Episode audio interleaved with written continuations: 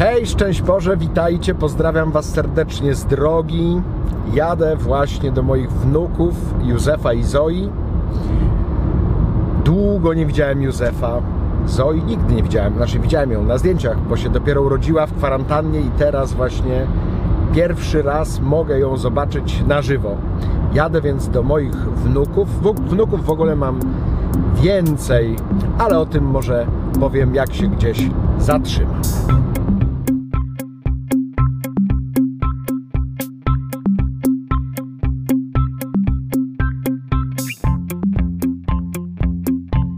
Już prawie dojechałem, ale musiałem się zatrzymać, bo potem jak już zawitam do domu e, Magdy i Alberta, Józefa i Zoi, to pewnie się zrobi ciemno, już potem nigdzie nie będę mógł nic nagrać.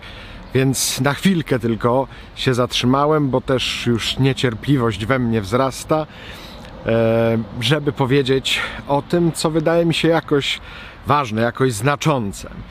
Zacznę może od tego, że y, pamiętam jak ogromne wrażenie zrobiła na mnie wypowiedź Licy, który wydawał mi się młodym facetem, a powiedział, że już jest dziadkiem. Mówię, jak dziadkiem?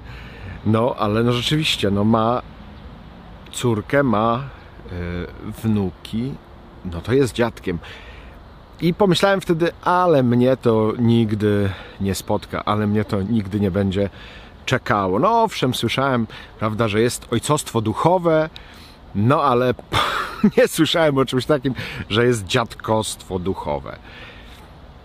A przyznam, że byłem w szoku, kiedy urodził się mały Józef, e, syn Magdy i Alberta. I ja dokładnie poczułem w sobie, w swoim sercu, w ogóle w całym sobie, miłość dziadkowską, tak zwaną. Nie wiem. To jest coś takiego, o czym tylko słyszałem, że dziadkowie wobec swoich wnuków są bezkrytyczni i po prostu miękną, jak to się mówi, jak pasztetówka na słońcu czy plastelina. No w każdym razie, że wnuki mogą z nimi prawie zrobić wszystko. I ja dokładnie tak się poczułem, jak zobaczyłem Juzia, po prostu o nie miałem i w ogóle mógł ze mną zrobić co tylko chce. Mm, gdyby tylko to wiedział. Ale właśnie, może to warto jeszcze dodać. Nie wiem, czy znacie moją książkę, którą napisałem z Magdą, naszą książkę Ojcowie i Córki, gdzie razem z Magdaleną właśnie próbujemy się zastanawiać nad biblijnymi postaciami ojców i córek i jak to właściwie jest. I gdy myślę, bo ja mam wiele dzieci duchowych i córek i synów, tym samym, tak jak już wspomniałem, mam wiele wnuków już duchowych.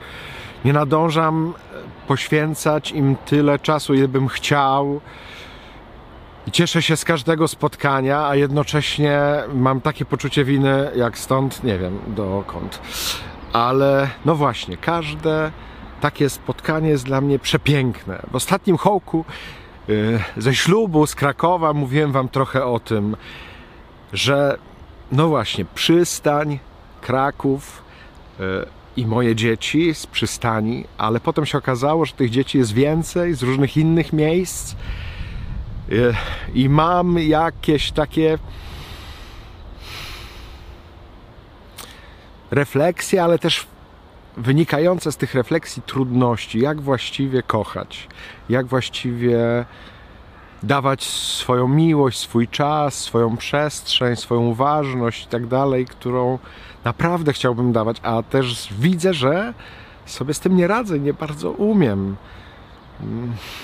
No jakoś, może nie wiem, z tego miejsca też proszę o wybaczenie i bardzo przepraszam, jeżeli ktoś z moich dzieci czy wnuków się czuje niedokochany, Naprawdę bym tego chciał. Ale mówię to też przed Wami, nie żeby się jakoś łatwo oskarżać, bo łatwo to powiedzieć, a trudniej się nawrócić, poprawić i zmienić.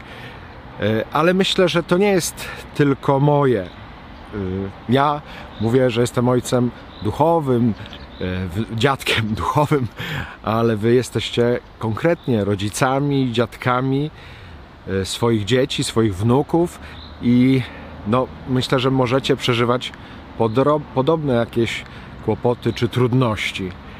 Ja rzeczywiście w stosunku do Magdaleny przeżywam to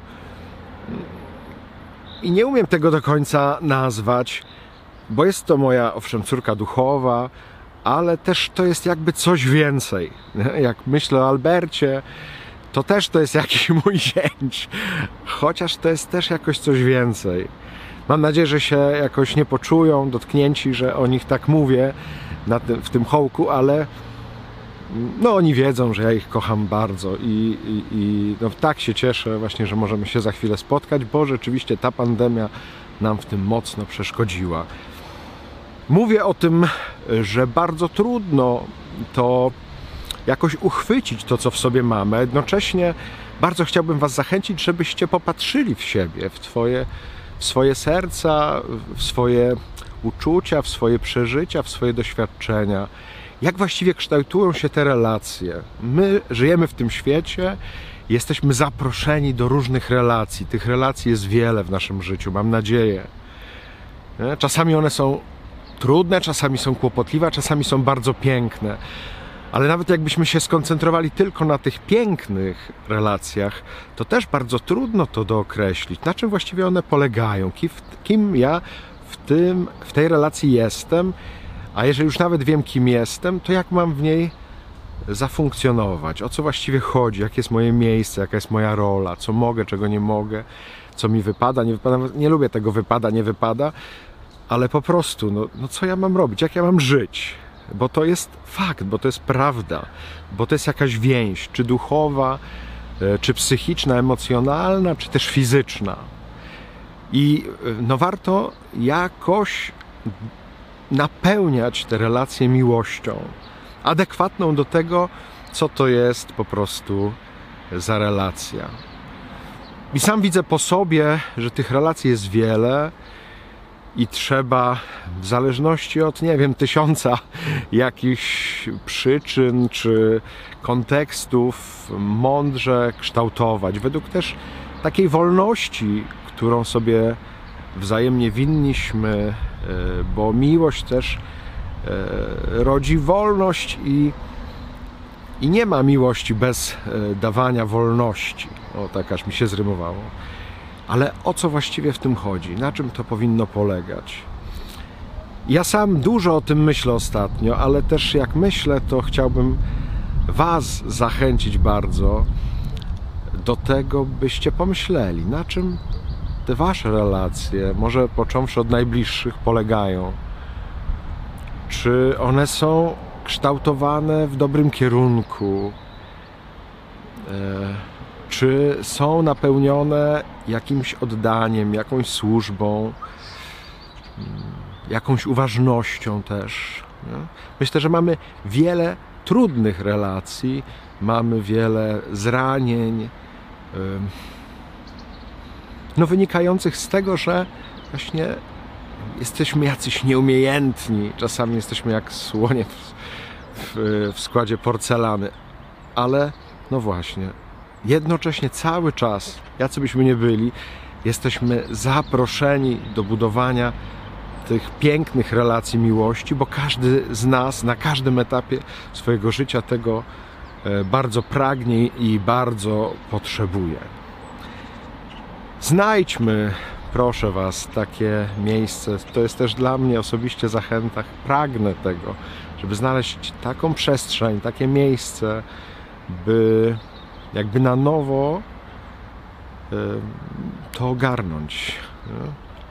Też w tym nieodzowna jest rozmowa, pytanie, właśnie, a jak byście sobie to wyobrażali, czy jakbyś sobie to wyobrażała, wyobrażał, budowanie tej mojej relacji, czy jakie jest miejsce, jaka jest przestrzeń w Twoim życiu dla mnie i wzajemnie, jak ja widzę swoją obecność w Twoim życiu, no to wielkie tematy mogą się otwierać, ale każdy, nawet najmniejszy kroczek jest tak naprawdę milowym krokiem, bo każdy krok w dobrym kierunku, w miłości to jest ogromna odległość, która jest pokonywana. Nie? Mówi się, że największe, że największa odległość na świecie to jest ta, która jest od głowy do serca, więc każdy kroczek w stronę serca to jest ogromna e, przestrzeń, ogromny dystans, który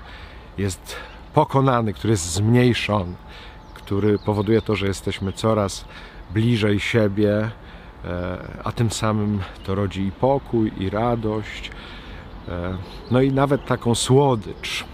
Ja na pewno odczuwam wielką słodycz i nie będę tego przedłużał, bo już e, mi nogi świerzbią. Muszę już szybko jechać do Józia, do Zoi, do Magdy, do Alberta. E, zaraz, e, mam nadzieję, ach, na to spotkanie. Wam też życzę pięknych relacji i pięknych spotkań. Zadbajmy o to, bo jest o co. Tymczasem Was bardzo serdecznie z tego miejsca pozdrawiam.